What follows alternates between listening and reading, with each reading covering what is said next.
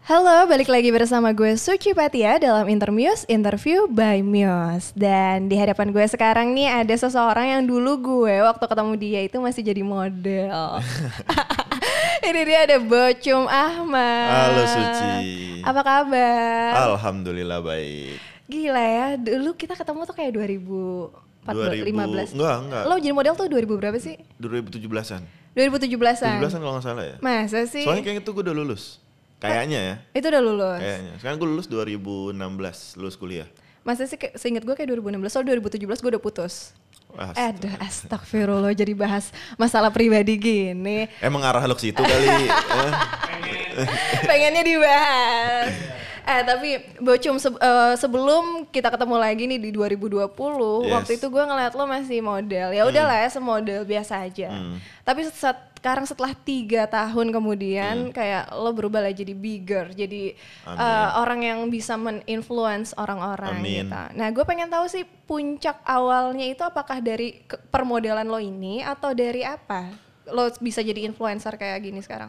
Eh, awalnya itu setelah gue lulus itu emang gue jadi model, gue fokus ke model. Cuman dari karir model gue ini banyak banget hal-hal yang tidak nyaman gue jalanin sebenarnya. Hmm. Karena ya menurut gue mata pencarian gue seharusnya di model. Kan gue tidak mau jadi beban keluarga. ya Iya. kan? Uh, Bocum Ahmad, suami Dan- idaman ya. buat buat ya, ya. Dan apa ya?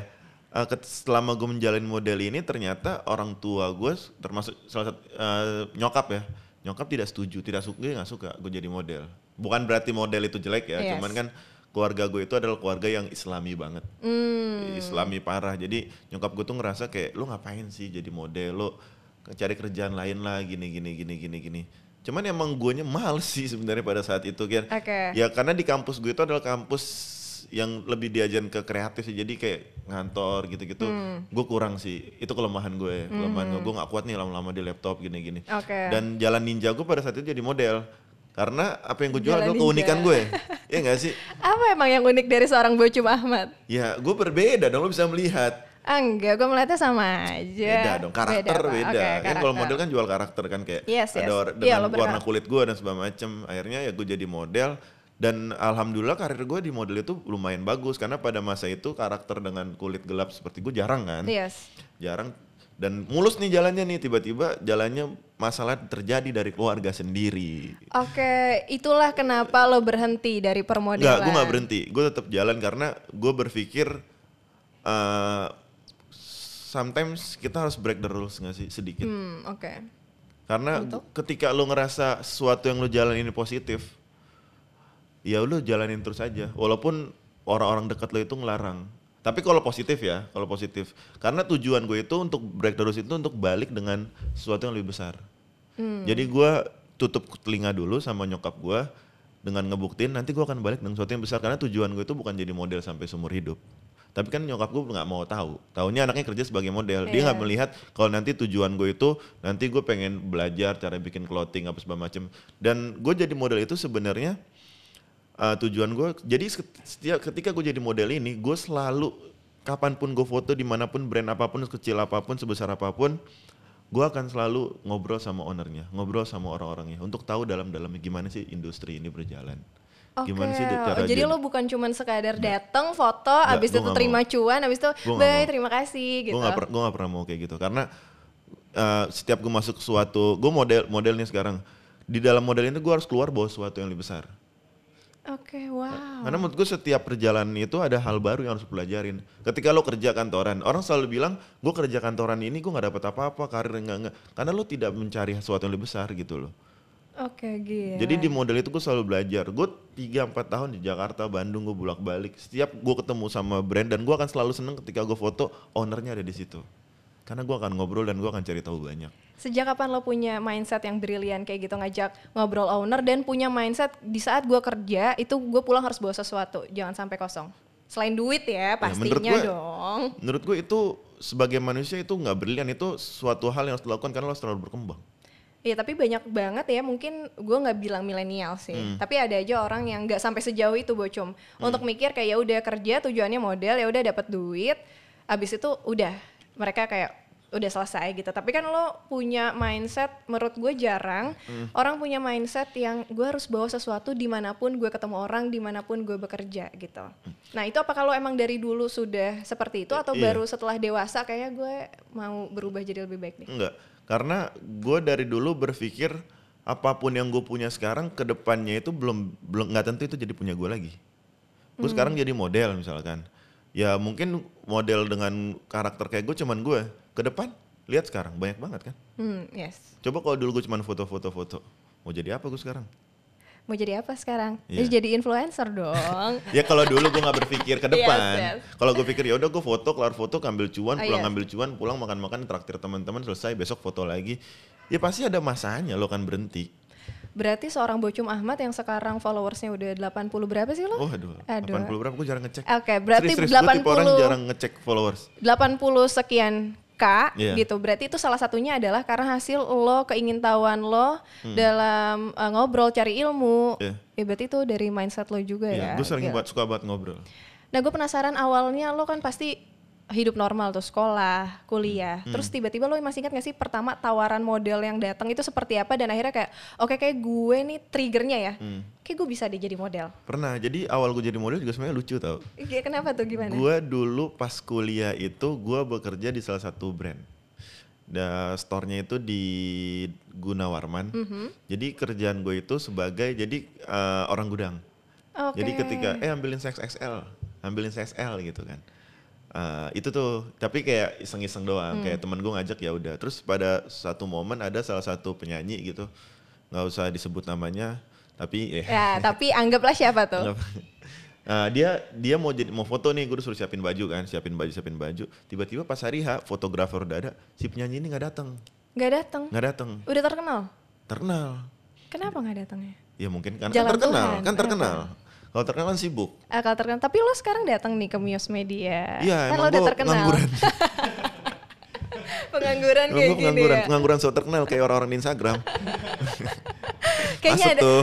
masuk tuh. Ada dendam tersendiri kayaknya sama orang-orang Instagram. Enggak juga, enggak juga. Cuman sama mereka-mereka aja. Oke. Udah Sama tuh mereka. akhirnya Terus, wow panik dong. Ya gimana dia nggak datang nih kita katalog harus naik besok. Akhirnya eh, owner store-nya bilang, "Com, lo aja yang foto." Ya gue kaget dong gila lo gue bilang.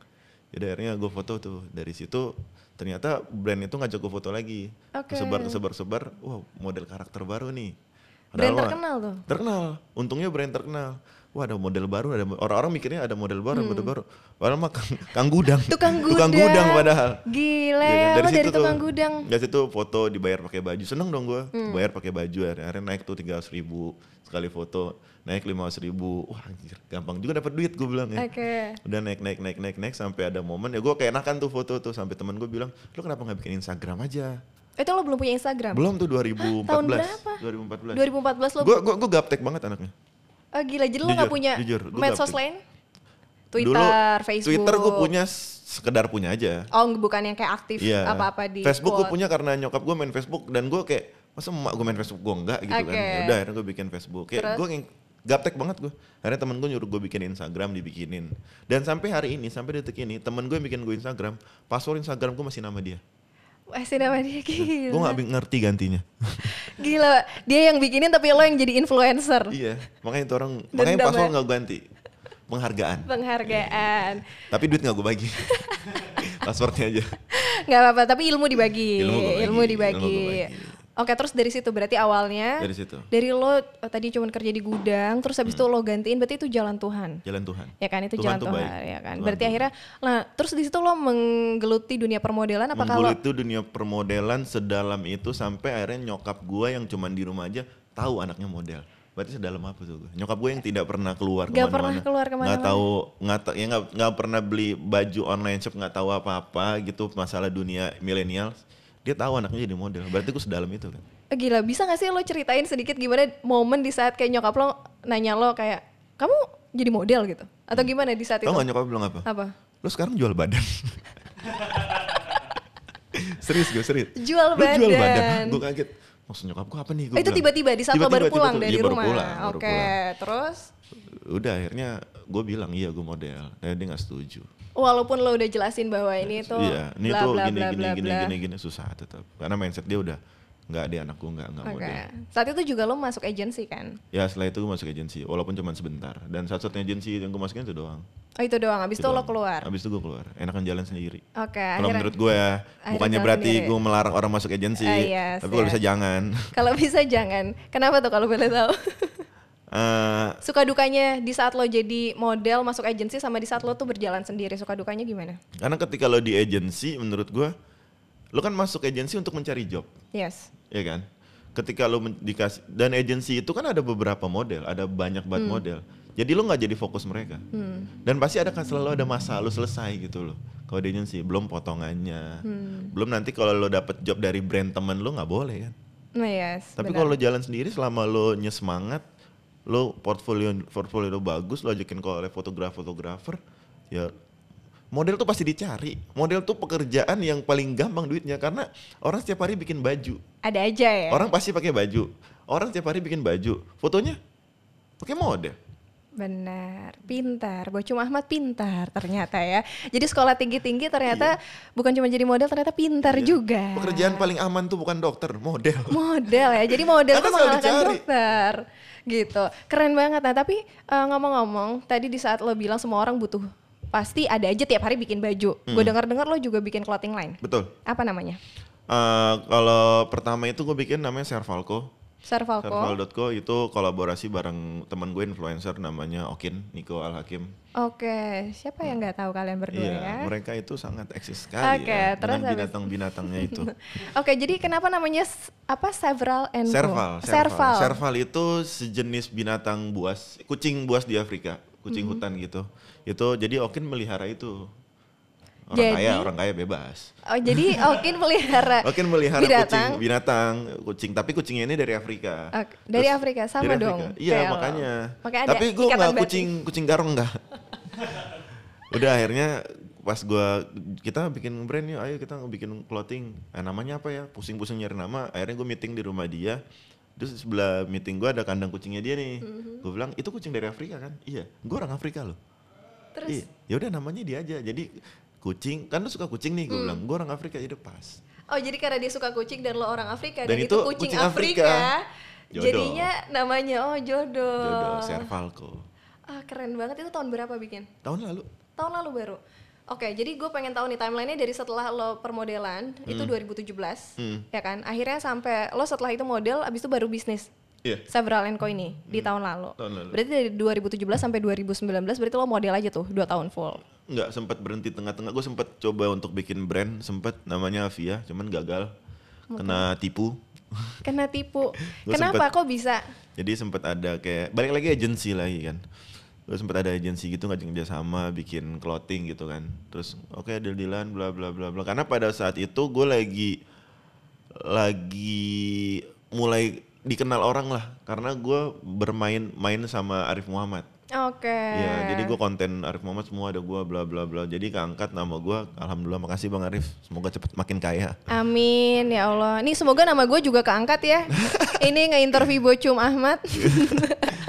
Udah kan dari situ nama gue keangkat. Wah ada tuh berapa agensi kayak, ayo bikin clothing, bikin clothing. Akhirnya gue bikin sama agensi itu dan ya dari situ kayak, kok gue kayak dibohongin ya gue bilangnya. Apa momen apa di saat lo mikir kayak kok gue dibohongin? Jadi dari awal masa lo jual baju gitu, nama gue yang pilih, konsep gue yang pilih, semua gue yang pilih, lo ngasih gue komisi 16% ya. Model? Eh sorry, 16%. Iya. Model gue juga. Model lo, modal juga. model gue Semua. pokoknya orang taunya itu gue yang itu brand gue Jadi tanpa embel-embel agency itu, taunya Iya. lo berdiri sendiri, ini Iya. punya dia cuma modalin aja Oke, tapi lo cuma dapat 16%. iya dari situ gue cuman gue tipe orang gak enakan kan udah gue Hmm. jalanin aja deh Itu nggak bagus tau katanya kalau misalnya Iya, iya. punya gua rasa nggak enakan, dan gue menyesal ya kan? makanya dari semenjak waktu itu sampai sekarang gue gak pernah gak enakan sama orang Jadi langsung aja Langsung sikat aja. bro. Nggak, gue gak mau, gue mau, nggak, gue gak mau. Karena gue punya pengalaman gak enak, gue jalanin. Itu berat banget. Ketika lo gak enak terus lo jalanin itu, itu namanya lo bunuh diri. Tau gak? Gila, berapa lama lo akhirnya jalani bisnis dengan rasa nggak enak itu? Setahun. Setahun. Setahun. Jadi setahun lo dapat komisi terus 16%. Sempat naik 20%. Itu mentok. Mentok. Dan itu lo lo pengennya harusnya berapa? Emang perjanjiannya gimana waktu awal-awal? Jadi perjanjian awalnya itu udah kita jadi kan temen gue juga kan senior gue di kampus. Udah kita jalan aja dulu, gue bikin ini. Tiba-tiba pas gue di kantor udah ada kontrak dar. pas gue baca kok 16 persen gue bilang iya ini percobaan aja dulu udah gitulah namanya juga ini kan percobaan Hmm. aja dulu dari gini gini ya udah gue ikut kan Oke, akhirnya di situ. nah, dari situ kayak anggah gue mau bikin sendiri aja Terus sekarang akhirnya lo berpartner sama Okin. sama Okin Nah terus eh, pasti lo udah banyak belajar dong di saat Banyak, iya. kegagalan, Heeh. ya kan? Apalagi katanya kalau bisnis sama temen itu emang gak bagusnya kayak gitu. Jadi Iya. ada rasa nggak enakan. Ada Betul. kayak ikatan batin gitu gak sih Benar, Bocum ya kan? benar. Nah terus sekarang gimana di saat bisnis lo sama Okin lancar? lancar alhamdulillah lancar banget Ya gimana nih kak? karena gue sama dia itu dua karakter beda Mm-mm. dua karakter gue beda banget sama dia dia tipe orang yang kalem sih lebih ke ya bodo amat lah Hmm. bodo amat lah yang penting kan gue tipe orang yang panikan Hmm. kalau masalah bisnis kan jadi ketemu Oh justru Ketemu. perbedaan itu yang perbedaan karena ketika lo bisnis lo satu pemikiran kan orang sering bilang lo kalau bis- bikin bisnis itu harus sama orang satu pemikiran sama Yes, lo benar. ya berarti di bisnis lo nggak akan ada konsep out, out of the box dong Oke, berarti emang pentingnya perbedaan justru kayak Penting. gitu. Karena bisnis itu lo berdua nih, lo partneran Hmm. berdua. Terus lo jalan nih berdua dengan pemikiran yang sama. Anjir dia sama banget nih pikir pemikirannya sama gue nih. Terus jalan jalan jalan jalan. Ketika bisnis ini ada kompetitor mati, bisnis lo mati. Nanti yang akan ngasih konsep out the box siapa? Oke. Nggak ada dong. Tapi kalau lo beda, lo soal debat. Cuman ya tet- tetap profesional lo soal debat, soal debat, soal debat, soal debat. Dan konsep lo tiba-tiba mati, kan partner lo masih pakai pala gue aja sekarang. Mhm. Ya Oke. sih?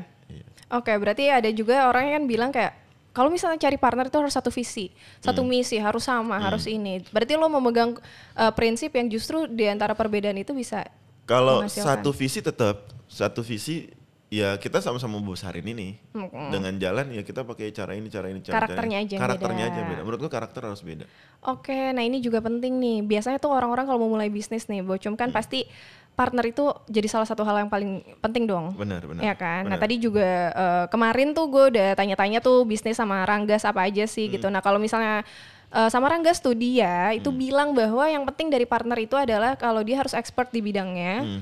Terus eh, abis itu eh, dia juga si partner ini harus berpotensial dan Hmm. eh, dalam bisnisnya ini. Berarti kalau dari lo itu pilih partner yang harus punya karakter yang beda. punya karakter yang beda Ada lagi nggak kira-kira yang kayak eh, gimana sih buat teman-teman nih apalagi misalnya kayak gue yang pengen bikin bisnis. Hmm. Itu gue tuh agak takut-takut sih milih par- partner karena gue pernah berbisnis sama partner dan itu sahabat banget. Hmm. Nah, itu ada rasa nggak enakannya dan bla bla bla. Kira-kira ada tips and tricks nggak sih dari lo gimana sih cara untuk menentukan partner yang tepat gitu di saat lo mau mulai merintis bisnis? kalau menurut gua kalau lo berbisnis sebenarnya kalau dalam bisnis itu sebisa mungkin sebisa mungkin jalan sendiri dulu kalau bisa Hmm, kalau bisa. Jadi bentuk tim yang benar-benar sama sama lo. Jadi hanya hanya lo pemimpinnya. Lo lo satu-satunya leader kalau bisa. Cuman kan sekarang kan berat kan. Nah, yes. apalagi rata-rata kita berbisnis itu dan kita kerja. Hmm. ya nggak sih? Rata-rata sekarang lo bisnis juga lo kerja juga. Jadi lo benar-benar butuh partner. Ya lo lo cari partner yang benar-benar bisa ngelengkapin lo. Jangan cari partner nah bayangkan orang cari partner itu yang gue pengen konsepnya gini gini gini gini. Lo juga nggak? Kalau ketika dia bilang iya gue juga. Jalan. Enggak lo cari partner itu yang bisa melengkapi kekurangan lo tau Aduh kayak cari pasangan ya. Iya, tapi iya, partner tuh kayak iya pasangan ya? tau. Kayak pasangan partner ya. kurang lebih kayak pasangan kalau emang bisnisnya lagi jalan lo pasti akur-akur aja Oke. kalau lagi jalan dengan baik. Kalau lo ngasih bisnisnya lagi kurang berjalan, pasti lo agak terus bisnis kurang berjalan nih salah lo misalkan partner lo pasti kayak lu gimana sih bete Iya. dan lo harus minta maaf. Sama nggak? Oke, berarti lo kalau cari pasangan juga karakternya nyarinya maunya yang beda. Yang beda. Eh, yang beda. Yang beda. Karena yang bisa melengkapi kan. Yang bisa melengkapi. Iya, Ini Karena manusia itu tidak ada yang sempurna. Jangan cari orang yang sama sama kita cari yang melengkapi ketidaksempurnaan kita. Oke, ini jadi selain inspiratif, romantis, juga ini agak religius ya. Jadi kayak kalau Bocum ngomong tuh rasanya tuh kayak bener kan? Bener Iya, kan? betul betul. Nobody betul. perfect kan katanya Yes, kan? Kata yes, yes. orang-orang, nobody perfect. Ya terus ngapain lo nyari jodoh? Lo bilang, gue mau nyari yang sejalan sama gue. Cari ya yang sama aja dong cacatnya sama lo. Oke, jadi cari yang just- melengkapi lo. cari yang melengkapi. Iya dong. Oke, itu kayaknya akan gue inget soal pasangan ya, Hmm. bukan soal bisnis. Eh, lo, lo nyari banget deh. Enggak lah. Enggak apa malu aja. Waduh. Ya biar sama-sama melengkapi. Eh Bocu ngomong-ngomong masalah bisnis tadi balik lagi ke Hmm. several co. Kemarin tuh kayak gue dengar-dengar lo dapat muri. Oh itu dapat muri di ini di jeans Rukas. Oh di jeans Rukas. Iya. Oh lo ada berapa bisnis? Ada dua Ada dua. Dan itu dua-duanya tahun kemarin. tahun kemarin setahun. Set- Dalam setahun lo buka dua bisnis. Dan Rukas itu sebenarnya bukan gue bukan pemilik. Pemiliknya itu ada namanya Rukas itu dari nama si pemiliknya Rubin Castor. Oke, terus lo di situ perannya apa? Gue masuk di tengah-tengah ketika jadi balik lagi gue awal gue ketemu Rukas ini gue sebagai model. Oh sebagai model. Jadi pas 2000 tahun lalu itu gue udah nggak mau ngambil foto kan, Mm-mm. udah nggak mau ambil foto sama kalian, gue mau fokus ke Serval nih. Mm-hmm. Fokus Serval tiba-tiba ada tawaran, cum tawaran nih foto nih, brand jeans, Rukas. Pas gue lihat, ah gue nggak mau, gue nggak mau foto gini-gini, malas gue sekarang mau fokus bisnis aja gitu. Star syndrome. Star syndrome. Pasti lah kan semua orang masih ngalamin Ada kan. aja, Iya. apalagi langsung. Ya, kalau gue mau jujur aja gitu, kan. 87 k gitu ya. Kalau iya Star syndrome enggak, enggak mau. Pas gue lihat, lihat aja dulu Instagramnya. Pas gue lihat, "Cing, keren juga nih jeans nih. Gue Ah, bilang, ah. mau deh, mau deh. Gue bilang. Ketemu lah gue sama, balik lagi ketemu sama ownernya. Oke. langsung dan gue tetap dengan prinsip gue harus pulang bawa sesuatu Di situ akhirnya lo kulik. Lo- kulik abis. Oh jadi awalnya lo model bukan tadi yang mau Nggak. joinan partner. nggak gue model awalnya Gila lo model. dan banyak yang nggak tahu dan sekarang orang rata-rata taunya Rukas punya gue bukan punya dia jadi Makanya gue nggak enak sama dia Nggak apa-apa dong, tapi kan kalau misalnya selama kehadiran lo bisa membawa Iya, 2000 jeans laku dalam tiga menit? Iya iya kemarin tuh. Kemarin. Kemarin, Itu apa aja sih yang lo lakuin? Sampai lo pasti ada langkah-langkah strategis dong Bocum ya karena kan? satu si Rubin ini adalah tipe orang yang perfeksionis banget. Perfect banget nih anak nih gue kayak sakit lo lo perfect per, lo kalau ngelihat foto eh, foto eh, katalog Rukas kalau ngelihat eh, campaignnya Rukas itu tuh lo nggak akan nyangka itu brand Indonesia. Percaya sama gue Serius lo? percaya Gue abis ini cari ya. percaya sama gue itu tuh Oke. bener-bener konsepnya dia sematang itu. Kadang gue sampai marah sama dia kayak lo ngapain sih serapi ini? Gue pernah ya Rukas ngeluarin satu celana doang satu cuman satu jeans satu model quantity dikit. Dia photoshoot di Bali di pantai pakai model kayak di Niu Sumba modelnya naik kuda tiga orang. Gila. cuman satu model jeans loh Butuh model perempuan nggak? nggak bel- belum Oh belum. Siapa tahu buat mo- model perempuan kayak ini anak gue. ini seperfect itu dan ini Oke. salah satu yang membuat Rukas tuh menarik banget Hmm, selain kehadiran lo ya. Iya, kedua itu, nah karena ini anak perfeksionis, gue bagian baru-barnya. Hmm. Gue bagian baru-barnya yang manas-manasin karena followers gue sama followers gue kan aktif kan, kita Yes, saling yes. ngobrol, selalu saling ngobrol kayak komunikasi terus. Gue yang bagian baru-barnya, Rukas akan begini nih, akan begini, begini, begini, begini, begini, sampai orang, lu percaya nggak kalau sehari sebelum Rukas launching ada yang nginep di ATM loh. Nggak, demi Followers gue ada yang nginep di ATM. untuk Bi- apa itu tujuannya nginep di biar ATM? dapat duluan, biar biar dapat, Gila segitunya. segitunya. Segitunya berarti lo bisa menginfluence orang. Ada yang naik sepeda dari Papua ke sekitar sejam buat ke ATM. Gila. Apa sih Bocum? Maksudnya gue jadi penasaran apa yang lo lakukan sampai orang-orang tuh terpengaruh sebegitunya? Apakah emang lo suka mengeluarkan narasi-narasi Iya. yang menarik atau emang lo cukup menjadi Bocum apa adanya gitu? Gua ke gua intinya makanya tadi gue bilang kan gue jarang banget ngecek followers gue udah berapa sih Hmm. karena lo masuk ke gue lo nge-follow gue gue ajak followers gue untuk udah kita lupain toxic di luar kita lupain mau orang bahas video siapa apa siapa kita asik aja sendiri Video 19 detik. iya gue nggak peduli Oke. gue Oke, ngajak followers gue untuk itu Kema- malah kemarin lagi seru orang-orang ya bang lo nggak bikin SS bang lo nggak bikin SS gue yakin itu followers baru karena Oke. kalau followers gue nggak akan Pasti nggak akan udah tahu Nah, karakter udah lo tahu. seperti kita, apa kita, ya? Kita punya suatu, kita selalu punya hal baru setiap hari yang harus kita bahas. Oke, tapi keren ya. Biasanya ya kalau misalnya influencer itu ngikutin zaman banget loh, Iya. ya kan? Biasanya influencer ada apa hal menarik, dia dia akan bahas, dia Iya. akan ikut-ikutan. Tapi lo justru Nggak. eh, berbanding terbalik sama itu. Iya. Dan gue juga kemarin lihat Instagram lo, lo tuh benci banget ditanyain masalah zodiak. Iya, gue nggak, gue bukan nggak nggak nggak nggak. Ini ke mana ada kesalahan nih? Lo Gue bukan deh. benci ditanya masalah zodiak. Tapi- itu hal wajar. Yes. Kalau lu tiba-tiba ketemu, eh zodiak lo apa? Gue jawab, Oke. ya nggak? Zodiak lo apa? Libra. Oh Libra. Oke. Yang gue benci itu adalah kenapa sih zodiak itu jadi topik utama dalam tongkrongan gitu. Misalkan ini gue gue ngomong masalah gue ngangkat masalah zodiak kemarin Iya. pengalaman pribadi gue jalan sama beberapa lingkungan baru gitu kan lingkungan baru kayak berlima apa berenam gitu terus kan gue gue gak peduli lah sama zodiak sebenarnya cuman gue menghargai orang zodiak kayak zodiak lo apa? Libra. Eh eh dia Libra. Dia cocok banget sama geng kita. By the way kita jamain sama dia lagi. Dia jamain sama yang itu lagi. Ya dia lah wajar dia Taurus. Yang gue benci itu itu kayak lo nggak mau main sama orang karena zodiak. Ya gue Aries. Kayak nggak cocok deh sama Libra. Nah. Gue kayak nggak bisa pacaran sama orang yang gue benci itu lebaynya orangnya bukan tentang zodiaknya. Ngomongin zodiak Oke. tuh wajar. Eh, ngomongin zodiak tuh wajar. wajar. Gue juga kadang suka Eh, gue juga kecil nonton Peace Love and Gaul. Terus lo main gaul, Iya sempet kan, ada sempet ada iya, masa-masa Gue nungguin, lainnya ya. nungguin zodiak zodiaknya apa di Antv dulu ya. Oh iya iya, si yes yes yes dia Iya kan? Gue nungguin zodiak juga. Cuman maksud gue sekarang tuh kayak terlalu di Eh gue putus nih. Lu sih udah gue bilang jangan pacaran sama Leo. Wow, Ah, iya si Leo tuh. si Leo banget yang keras kepala dan apalagi kalau orang mau deketin Iya. Iya, lu lu tanya dulu masalah lu apa. Gue jadian sama dia nih. Dia zodiaknya apa? Ini. Anjir kok bisa? Kayak iya itu sering banget iya gak sih? itu Kok sering bisa? banget Harus harusnya nggak cocok tahu kayak Iya, atau nggak kayak lo harus pantas kita nyambung, iya Iya kan? kan? Emang nyambung, emang nih orang isi aja Emang otaknya bukan iya, karena bukan zodiaknya. karena zodiaknya. Iya, bukan gue tidak suka ditanya zodiak, cuman lebih ke ya pada porsinya aja, jangan berlebihan. Gila, tapi bocum gue ngeliat Instagram Instagram lo tuh menarik menarik banget Oh, konten-konten. Ya karena biasanya influen eh, influencer biasanya ya, Hmm. gue nggak bilang semuanya. Ya biasanya itu endorse, terus habis itu ngikutin eh, zaman, Hmm. ngikutin topik-topik yang lagi eh, hangat di saat itu gitu. Hmm. Tapi kalau lo tuh berbanding terbalik, bahkan di saat lo selalu menyuarakan speak up eh, speak up tentang keresahan-keresahan lo, Yeah. ya kan yang kayak emang lo secara jujur Hmm. gitu. Nah itu semenjak kapan sih lo membuat Instagram lo jadi wadah kejujuran lo emang mau bermain media sosial? Semenjak gue mulai sadar kalau oh ternyata orang-orang yang bahagia di Instagram tuh tidak sebahagia itu. Itu kapan lo sadarnya? Ada titik itu? Semenjak gue ketemu sama beberapa orang yang gue lihat bahagia di Instagram. Oke, tadinya Instagram lo wadahnya foto gitu. Wadahnya ya foto-foto aja. Tadi foto-foto aja. foto terus kayak ya namanya kan berkembangnya followers pasti gue nongkrong sama siapa. Iya, oh, siapa kan kayak post ya. anjir dia gue ketemu dia nih yang di Instagramnya bahagia banget. Kok di sini dia nangis? Oke. Kok di sini dia ngeluh? Kayak di Instagram dia dia lagi ngaji deh. Kok di Mhm. sini dia Dugem. Oke. kayak emang harus segitunya. Oke. Kayak, eh jangan jangan storyin gue dong, jangan storyin gue dong.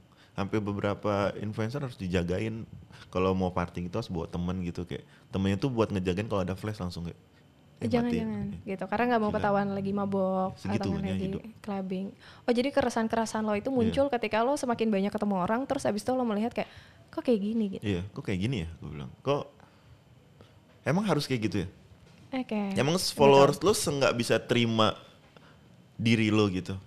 Emang followers lo senuntut lo perfect. Apa lo nya yang memperfectkan diri lo tapi lo belum siap. Kadang influencer itu menaruh level diri mereka di mana level itu di- mereka belum sampai sana. Yes. Jadinya aneh. Jadinya aneh benar. Ya nggak sih? Mereka menaruh gue bintang satu Iya, loh. Tapi sebenarnya mereka belum Biasa sampai sana. aja. Mereka belum sampai. Ya udahlah. Orang juga nggak peduli-peduli Orang nggak banget peduli. kali. Sebenarnya orang Orang peduli, banget banget, sebenarnya. iya. Ayolah, jadi diri lu sendiri aja. Ni- nikmatin proses lu sampai lu sampai ke atas. Oke, lo sempat nggak menjadi seorang influencer yang penuh tekanan, bukan penuh tekanan, maksudnya yang ada keharusan untuk menjaga. Oke, gue nggak ada gitu. Sempat ada di posisi itu nggak? Enggak. Karena gue sampai sekarang gue tidak merasa diri gue influencer. Sampai sekarang. Sampai sekarang. Padahal lo udah bisa membuat. Ya, si- gue selalu merasa diri gue bukan influencer. Gue hanya orang biasa yang berjualan di Instagram dan gue suka ngobrol aja sama orang yang follow gue. Karena gue berterima kasih sama mereka. Masih mau jadi teman ngobrol gue. Lo sejak kapan sih lo masih ingat gak postingan pertama lo untuk speak up? Tadi kan mungkin tadi foto-foto doang, terus habis itu ya udah ketemu siapa nongkrong Iya, post gitu. Kalau speak up gue lupa kapan, cuman gue pernah satu posting speak up. Awalnya speak up gue tidak terlalu heboh ya, cuman ada satu postingan gue di Instagram yang jutaan views, satu Itu- juta views lebih. Itu, pecah gara-gara- banget. Itu gara-gara apa? Itu gara-gara pada saat itu gue memposting tentang ya beberapa orang yang punya temen influencer, punya temen selebgram, jangan sembarangan kalau mau minta promosin barang dagangan. Oke, terus di situ habis itu langsung banyak Iya, tuh. Karena gue gue ya. gue resah, gue resah kayak, com promosin dagangan gue dong. Karena beberapa orang itu melihat influencer itu, ketika gue punya teman influencer, gue mau jualan apa aja pasti laku. Bentar gue kaya kan dipromosin sama dia. Iya, padahal Kan itu, itu terlalu stupid gak sih? benar-benar. Influencer itu ti- influencer tuh bukan dukun yang bisa bikin barang dagangan lo laku. Iya. Mereka hanya membantu memasarkan. Benar, benar banget. Dan lu jangan naruh tekanan di influencer, di influencer apa selebgram gitu ya. Loh, gue kemarin endorse di lo kok nggak habis Iya. dagangan gue. Gue kemarin endorse di lo kok barang gue nggak laku. Padahal tanpa lo ngecek, harusnya step pertama itu kualitas barang gue bagus gak sih? Setuju. Kualitas makanan gue oke gak sih? Kok gue udah nge, udah kualitasnya udah oke, udah nge-endorse tapi nggak ngefek. Dan itu jarang terjadi. Bener banget, apalagi kalau gue juga suka di endorse endorse gitu ada aja misalnya kayak selentingan selentingan eh kemarin tuh gue endorse sama itu tuh followers gue nggak naik sama sekali Iya. nggak ada yang beli gitu. Padahal itu balik lagi dong Iya. ya kan? Ke apa sih yang mau lo jual? Apakah uh, produk lo itu beda? Apa emang Hmm. Akhirnya om, dari omongan itu ke mana-mana. Si influencer ini jangan endorse jangan endorse si dia lagi nggak ngefek. Jangan endorse dia lagi masanya udah selesai. Kasihan nggak sih jadi selebgram atau influencer Iya, tapi sekarang lo tau gak sih banyak banget ya bahkan teman-teman adik gue tuh pengen banget yang cita-cita itu jadi influencer karena bagi mereka adalah itu pekerjaan yang mudah, gampang, terkenal, duitnya banyak. Terus habis itu lo eh, dengan puja-pujian banyak hal gitu. Nah, lo sebagai influencer, lo pernah merasakan sebelum jadi influencer dan setelah jadi influencer. Nah, suka duka setelah lo udah mulai dikenal sama banyak orang kayak gini tuh apa sih yang hal-hal yang kayak lo merasa kayak kayak gue jadi nggak nyaman deh. Eh, gua hanya nggak nyaman satu hal. Ketika gue lagi sama keluarga ada yang minta foto. Gila, udah segitunya Boy cuma itu doang gue nggak suka. Tapi sisanya gue nggak peduli. Oke, sisanya lo gak gue nggak peduli. peduli. Tapi kalau gue lagi sama keluarga gue karena baik lagi keluarga gue nggak suka gue di dunia entertain. Dan sekarang orang tua gue tanya gue gue jualan ya emang bener gue jualan. Cuman ya ya jualan sekarang kan orang sekarang beli barang itu bukan karena barangnya bagus nggak sih karena brandingnya siapa Iya, jadi dengan jualan itu lo harus branding diri lo juga bener. Makanya lo tetap mempertahankan harus di Instagram walaupun sebenarnya lo ada keresahan-keresahan juga. ada Gila. nggak suka gue sama Instagram sebenarnya ya Sebenarnya gak sebenarnya suka. cuman alhamdulillah gue punya followers yang emang mengerti gue apa sih? Maksudnya apa sih ke keresahan-keresahan lo tadi eh, tentang Instagram? Lo kan bilang gak suka sebenarnya gue sama Instagram, tapi di sisi lain itu kan kontradiktif karena lo masih main Instagram. Iya. gitu. Lo kenapa nggak sukanya sama Instagram? Ya itu yang tadi gue ceritain. Gue Itu banyak semuanya? Melihat, iya banyak melihat yang main ayolah normal-normal aja lah jadi diri lo lah. Kalau emang lo lo jelek ya udah branding jelek aja nggak apa-apa kok. Gak usah sok-sok ini Iya ya. nggak apa-apa. Oh Nat laku kok. Uus keren kok. Benar. Iya gak sih? Benar. Tapi lo di saat kayak tadinya kan lo belum terlalu eh maksudnya lo belum terlalu sejujur ini sekarang ya kan sampai lo ngepost ada tadi dakwahan, Iya, terus iya. habis itu dan lain-lain Instagram lo isinya.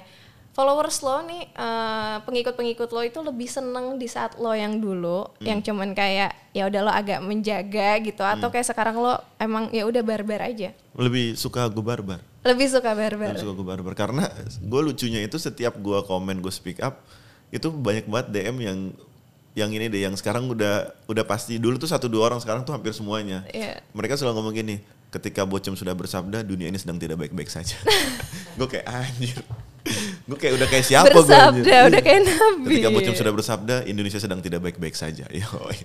Itu karena lo sering banget speak up Nggak sama hal-hal. Nah, karena jadi gua itu jadi setiap ada masalah DM rame.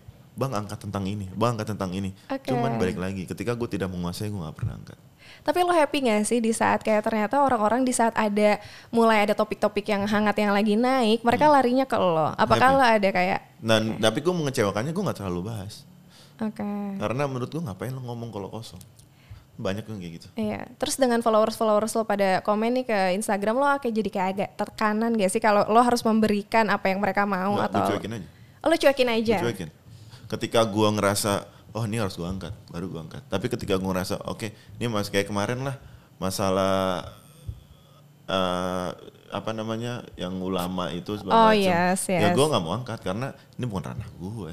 Oke, jadi lo kalau misalnya mau speak up yang benar-benar emang Iya, yang gue mau ngasih speak up yang benar-benar gue gue yakin ini pasti kena ke orang.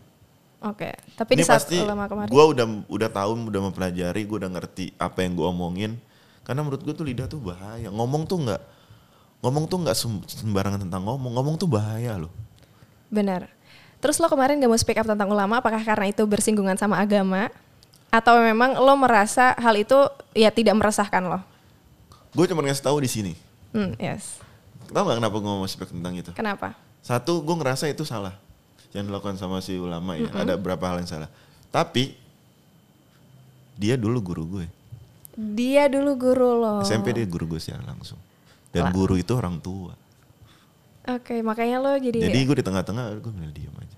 Walaupun lo nggak suka, ya walaupun menurut gue bukan nggak suka menurut gue salah. untuk kemarin lo salah cuman Kurang ya kan? kurang pantas. Cuman ya guru guru anda guru saya. Berarti makanya lo- akhirnya gue ngangkatnya gue sempat ngepost kemarin pas masalah ngaji itu kan gue ngepostnya di caption kan. Di caption gue gue bilang eh, ulama itu adalah Habib itu adalah penerus Nabi dan dan mereka guru kita. Guru tuh berarti orang tua. Orang tua itu bisa membawa kita ke surga. Wahai ulama kami, ajari kami bersantun. Udah stop di situ. Subhanallah. Ini kayak uh, jadi pengen punya suami yang uh, pinter agama, Nah, yang akhirnya ngerti. cuma sampai situ aja Oke, berarti itu jadi pernah uh, ulama itu pernah jadi guru lo dan lo mau posisikan dia juga sebagai orang tua. sebagai orang tua. Jadi walaupun lo merasa salah, tapi lo tidak ada kapasitas untuk bersuara. Karena gitu. gue gak akan pernah, karena ya dia salah satu orang yang berpengaruh di hidup gue. Nggak semuanya buruk kok, dia ngajarin gue baca Quran. Oke, jadi Kenapa sih kita harus lihat buruknya kalau ada baiknya? dan itu juga yang ngebuat lo sekarang mungkin se- sekarang jadi kayak gini tuh salah satunya pengaruhnya dari Bisa jadi. beliau Iya, juga. Iya, betul. Oke. Jadi akhirnya gue wow. milih udah gue diem aja. Oke, Bocum tadi kita udah bahas banyak banget ya dari bisnis lo, dari permodelan lo, dari dunia perinstagraman, influencer. Nah sebelum lo ada di titik sekarang, lo punya dua bisnis, ya kan? Lo jadi influencer, lo jadi model. Pernah gak sih lo ada eh, namanya hidup? Itu kan pasti ada jatuh bangunnya dong. Betul, betul. Gue pengen tahu lo pernah gak sih ada titik terendah dalam hidup lo tuh seperti apa yang membuat lo tuh jadi kayak bangkit lagi? Pernah, pernah. Di masa peralihan dari gue lulus sampai gue milih jadi model. Gue gak tahu gue mau ngapain. Itu titik terendah lo. Menurut gue itu terendah. Karena gue punya sepupu yang wah tajir banget ya pokoknya. Family bisnisnya oke lah. Terus dia tajir banget dan gue selalu dibanding-bandingin sama dia. Wah itu nggak enak banget Wah, nggak rasanya. enak banget, itu nggak di enak keluarga Di dibanding-bandingin. keluarga dibanding-bandingin. Di keluarga besar. Parah. Itu pasti kalau lebaran mager banget pula. Ih, lo tau sendiri. Iya kan kalau keluarga, oke emang pekerjaan sepupu lo tuh apa? Dia kayak family business gitu nerusin bisnis orang tuanya. Orang- Emang tajir melintir sih. Hmm. Ya akhirnya gue kayak dibanding lagi ada perbandingan lah akhirnya kan sampai akhirnya gue apa gue nggak seguna ini ya gue bilang. Apa gue karena kadang tuh eh, sakit hati terberat tuh bukan dikatain orang di luar, dikatain orang di dalam keluarga lu. Keluarga sendiri ya. Lu kalau dikatain orang di luar, dihina orang di luar, ya udah. Apa pengaruh lo sih di hidup gue?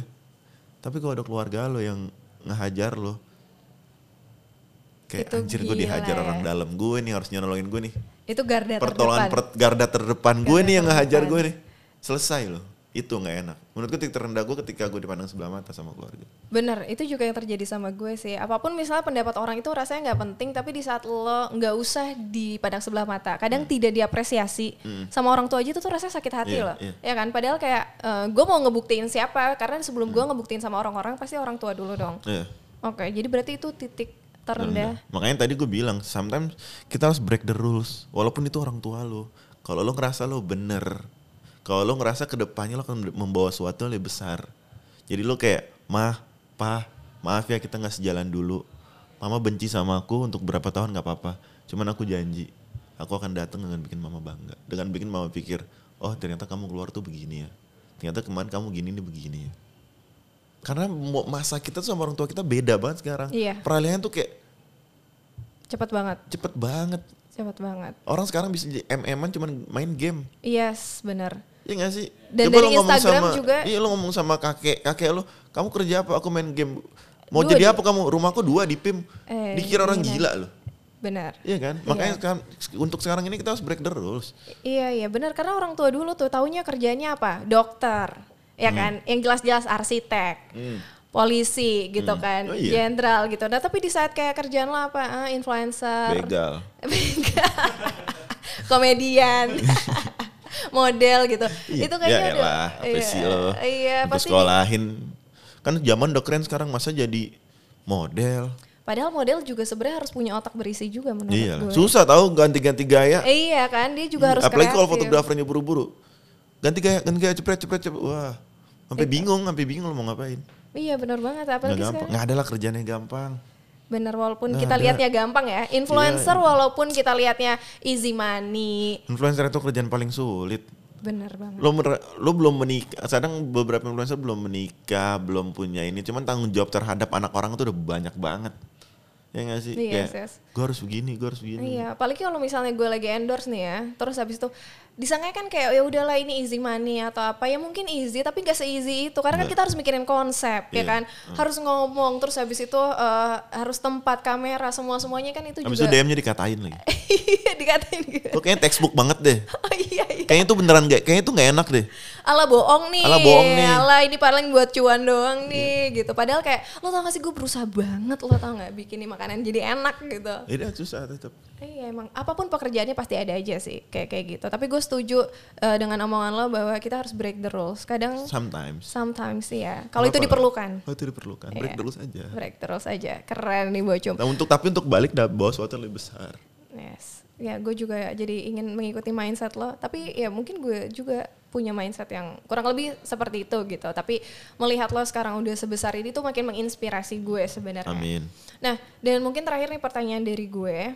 Nah, gimana sih caranya, apalagi lo sebagai influencer ataupun sebagai orang yang berbisnis ya, di saat kita kayak nggak punya, banyak lo orang di luar sana mau jadi seseorang tapi nggak punya rasanya nggak punya pegangan apa-apa, nggak punya modal, ya kan, nggak punya link, nggak punya relasi. Apa sih yang harus dilakukan sama mereka di saat kita tuh ngerasa kayak nggak bisa, padahal semua orang tuh bisa. Kita nggak bisa padahal semua orang bisa. Iya, maksudnya kita tuh ngerasa kan kadang kayak, aduh kayak gue nggak bisa deh. Padahal kan semua orang tuh bisa kan. Kayak kayak gue nggak bisa deh, soalnya gue nggak punya modal. Kayak gue nggak bisa deh, gue nggak punya link gitu. Nah apa sih yang harus dilakukan sama mereka-mereka yang punya mindset seperti itu? Apa ya? Eh, Nggak mungkin orang bangun tiba-tiba punya modal sih. Mhm. Nggak mungkin orang tiba-tiba bangun punya link itu semua kan dicari. Lo sekarang segini aja manusia pasti akan punya cara untuk bertahan. Ya lo harus keluar dari zona nyaman lo satu. Lo di rumah cuman di rumah di kasur, gue mau usaha sih cuman gue gak punya modal. Yes. Gue mau gue mau sebenarnya mau jual kin cuman gue nggak punya link. Ya lo akan tetap nggak punya link. Lo akan tetap nggak punya modal. Nah kadang juga banyak anak-anak sekarang yang pengen sesuatu yang besar gitu loh, nggak pengen sesuatu yang kecil. Jadi kayak ngelihat oh si ini bikin usaha ini langsung sukses. Gue bikin usaha ini baru dua baru seminggu nih nggak laku, udahan ah. Bosenan. Ya, orang nah sekarang main orang ini melihat hasil si dia sukses. Kenapa sih kita ngeliat prosesnya? Orang lihat Rachel V-nya kaya. Tapi kenapa lu nggak lihat proses Rachel V-nya kayak gimana ya? Bocah Mamat sekarang jualan solot mulu. Lu lihat jangan lihat jualan solotnya, lu lihat dia ke mana ya? Apa yang dilakuin sama dia? Kan yang benar begitu. Sekarang tapi orang lihatnya hasilnya. Ya harus rubah mindset itu dulu. Iya, pasti nih ada aja ada nggak sih orang-orang selentingan lo kayak gini kayak ah itu karena followersnya banyak Iya, makanya iya, iya, gitu iya, ya iya, kan? sering banget, Ya sering kan banget, kayak apa followersnya banyak. Enaknya nih. jualan kalau punya followers. Iya, gitu. Enaknya kalau selebgram jualan. Padahal- nggak tahu. Padahal lo nggak tahu ap- yang lo lakuin eh, bahkan gue dengar lo sampai nggak tidur untuk ngebuat si Rukas jeans ini 2000 sampai 3 menit. Iya, itu gua gua gua dua hari sebelum sebelum launching itu gua panik banget kayak "Ah, ini gimana nih, ini gimana nih. Besok gua sama temen gue itu si dia. Ini besok gimana nih? Besok sampai malamnya malam sebelum launching gua sampai jadi Instagram gua udah heboh banget Hamin satu udah persiapan gue udah gini bang, udah begini, gue udah begini, gue udah siapin ini, udah siapin, udah siapin PC, gue udah di Indomaret, gue udah top up OVO berapa juta, gini gini gini segala macem. Kan malah makin semakin ini ya ke gue. Terus gue kayak anjing apa gue ngebangun hype-nya ketinggian ya gue bilang. Akhirnya gue pamit sama followers gue, gue bilang gue bacain DM kalian satu-satu dan gue yang deg-degan. Gue pamit dulu ngomongin Instagram dulu. Oh jadi kayak ada pressure gitu ya. Pressure-nya udah selesai. Itu tuh, tapi orang lihatnya tiga menit. Sampai ada orang 2000 kali, kan gue jual 350 kan 350. Wah enak loh, baru tiga menit dapat berapa ratus juta. Langsung ada aja komen-komen kayak gitu. Waktu Ambimo juga 2500 kali 350. Gokil 8900 juta 15 menit. Dan itu pasti Oh mindset anak sana sesimpel iya, itu kayak sesimpel itu. Padahal lo dia dia nggak tahu ya proses. Oh, gue produksi, gue bikin campaign, gue bikin ini enggak, iya. dipikirin sama mereka. Pasti kan itu nggak cuma sehari dua hari ya, sampai itu ngabisin duit, tenaga, Gue pikiran. selalu menurut gue, menurut gue promosi yang bagus belum jualan itu dua bulan, Dua bulan. dua bulan. Itu dua bulan. Dua Dan bulan. itu si Rukas ini dua bulan Dua sebelum bulan, itu. Dua bulan. Dan Sama sam- Bimo juga dua bulan. Dua bulan itu gue benar-benar promosi semua segala macem. Matang menurut gue matang. Jadi gue mau jualan itu ketika udah gue udah pasti ini udah pasti aman nih.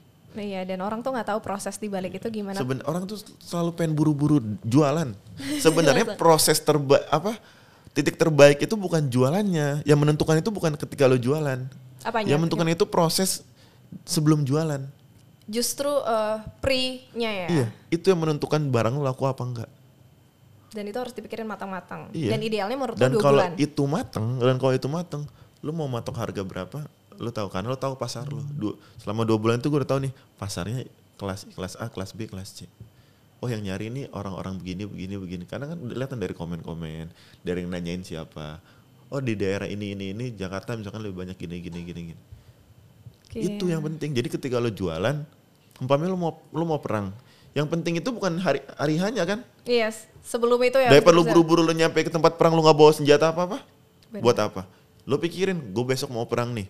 Musuh gue berapa orang? 10 ribu. Oke kita bawa 10 ribu. Dia bawa apa? Bawa senjata ini, ini, ini, ini. Oke kita bawa ini, ini, ini, ini, ini. Itu dong yang penting. Yes. Benar, mindset. Iya, benar. Itu sama kayak lu dagang.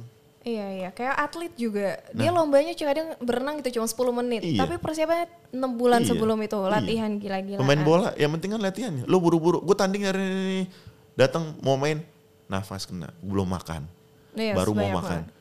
Banyak. Yang penting itu apa pun yang lakukan itu yang terpenting itu bukan jangan buru-buru lu jualan, jangan buru-buru terkenalnya. Prosesnya itu Proses. adalah yang menentukan lu jadi apa ke depannya. Benar mau itu gagal ataupun misalnya berhasil, pasti proses itu akan menghasilkan sesuatu. Iya. Gila, itu keren banget. Kegagalannya menghasilkan sesuatu. Iya ya. Gue gagal di Avia, akhirnya gue punya brand baru. Pasti gagal itu kan pasti Iya. ada dapat seenggaknya dapat pembelajaran. mungkin kalau dulu gue di Avia nggak gagal, gue nggak akan punya nyali untuk gue jalan aja sendiri. Pasti masih nggak enakan. Pasti masih enak kan? Ya kan, ada pembelajaran Iya. ya. Gagal itu gagal itu sebenarnya berkah kalau menurut gue. Selama lo masih hidup ya. Iya. Selama lo masih hidup dan lo masih bisa berjuang, lo gagal lo berkah. Gue selalu percaya kalau kegagalan itu kayak anak-anak tangga yang di saat Hmm. lo gagal itu lo akan kayak menuju semakin lebih tinggi tapi tergantung kitanya mau apa enggak Hmm. gitu kan. Kadang ada orang udah gagal, ya udah dia berhenti Iya. gitu kan, gak mau dikulik lagi gitu. Hmm.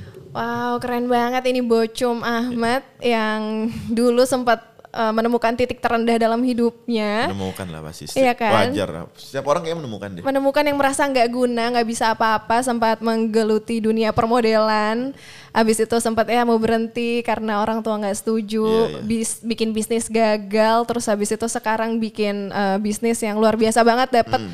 Rekor muri ya, jual jeans 2.500 ya, Iya, dalam waktu 15 menit. Alhamdulillah. Dan itu semuanya itu karena proses ya. Jadi itu semua Hmm, nggak bisa ter, nggak nggak Bocum Ahmad seperti ini nggak langsung jadi tank gitu. Iya, iya. Dan apa ya?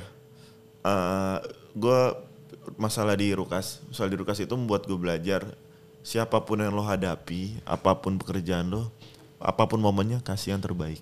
Mungkin gak kalau misalkan gue waktu foto sama Rukas, gue males-malesan, Hmm. Iya. mungkin gak Rubin mau jadiin gue partner? Benar. Nggak mungkin dong. Jadi- Padahal waktu gue foto sama dia itu, gue sudah lagi, gue bilang lagi saat sindrom, gue pengen fokus di Serval, gue punya brand, ngapain gue foto sama brand orang.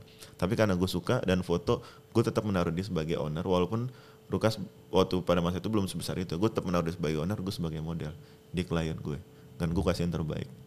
Itu jalan Tuhan. Menurut gue, kapan pun, di mana pun, apa pun momennya, kalau Tuhan kasih kesempatan sama lo, siapa pun yang lo hadapi, mau itu pemulung, mau itu apa pun, kasih yang terbaik dari diri lo.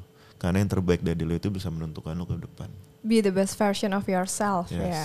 Itu dia. Jadi kalau di saat eh, coba aja di saat itu lo tetap memilih enggak mau untuk Nggak mau, foto iya. sama Atau enggak gue datang foto setengah-setengah. Iya udah setengah-setengah pasti lo nggak nggak Mungkin gue gak di sini sekarang. Ya, mungkin nggak di sini nggak nggak nggak nggak ada Rukas nggak ada rekor muri itu Iya. nggak ada semuanya. Benar. Jadi pentingnya untuk eh, be the best version of Iya. yourself, kasih yang terbaik itu bisa satu langkah yang bisa menjadikan jalan lo tuh jadi lebih Ya, jauh. satu hari itu menentukan gue di sini sekarang.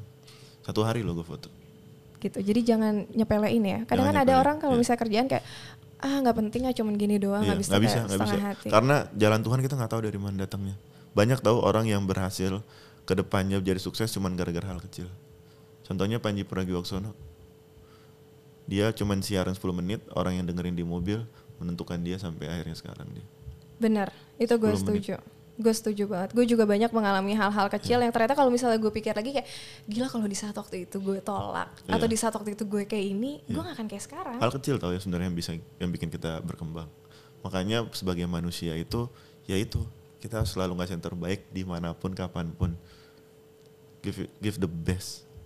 Gila give the best. Wow, Bocum Ahmad keren. Anjay pakai bahasa Inggris gue. Iya. Give the best. Give the best. Bahasa Inggris nih Eh, gue. ada titiknya lagi kan gila orang the. Indonesia Afrika ngomong bahasa Inggris di Intermuse. Gila boleh tepuk tangan dulu buat Bocum Ahmad yang ada di sini. Keren banget di balik eh, sosok yang Eh give seperti your ini. best dong harusnya. Hah? Give your best apa give the best?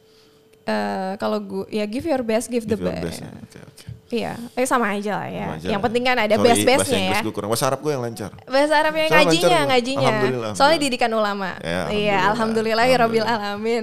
Oke, kita banyak banget eh, tadi insight-insight dari Bocom Ahmad. Bukan cuman masalah bisnis, tapi eh, yang paling penting menurut gue justru yang lebih penting daripada bisnisnya adalah mindsetnya. Mindset. Iya kan? Itu adalah yang lo berikan karena mindset itu gue selalu percaya apa yang kita pikirin itu apa yang kita akan menjadi Betul, gitu ya kan. Jadi betul. kalau misalnya kita berpikir kita bisa, itu pasti kita akan bisa. Betul. Dan tadi eh, juga gue belajar dari lo untuk yang namanya menghargai proses. Proses harus Ya, itu proses. Jadi mau lo nggak ada modal, mau lo nggak ada relasi, asal lo mau cari, lo mau Asal berusaha masih hidup udah jalan aja. udah jalan aja itu proses nanti itu semua pasti gue selalu percaya nggak ada keringat yang sia-sia. Iya. Iya, Tuhan nggak pernah nyiptain produk gagal. Iya pasti ada aja Cuma pembelajaran. jalannya aja beda-beda. Jalannya aja beda-beda. Ya baik, lu mau cari nggak tuh jalan sampai ketemu? Lu cuma dikasih cari jalan, udah disiapin jalan sama Tuhan. Tinggal cari Kita aja. cuma disuruh cari masih ngeluh. Gila, Kadang kita malas atau nggak terlalu putus asa. Jadi semangat. mengeluh. Baik lagi Mengeluh. mengeluh. Mengharapkan orang lain yang mem- memperbaiki keluhan kita. Yes, benar. Balik lagi ke mindset. Jadi perbaiki mindset kita kalau misalnya kita mau jadi orang yang besar. Dan ini salah satunya ada di depan gue yaitu Bocum Ahmad yang punya mindset eh, menurut gue luar biasa banget. Sekali lagi Bocum, thank you. Sama-sama, Cici. Makasih banyak udah Makasih ya, ngobrol-ngobrol. Ya. Iya. Di sini ada yang mau ditambahin buat teman-teman? Aman, aman, aman. Aman? Aman. Oke, gue Suci Patia. Gue Bocam Ahmad. And thank you for watching us. Bye. Bye.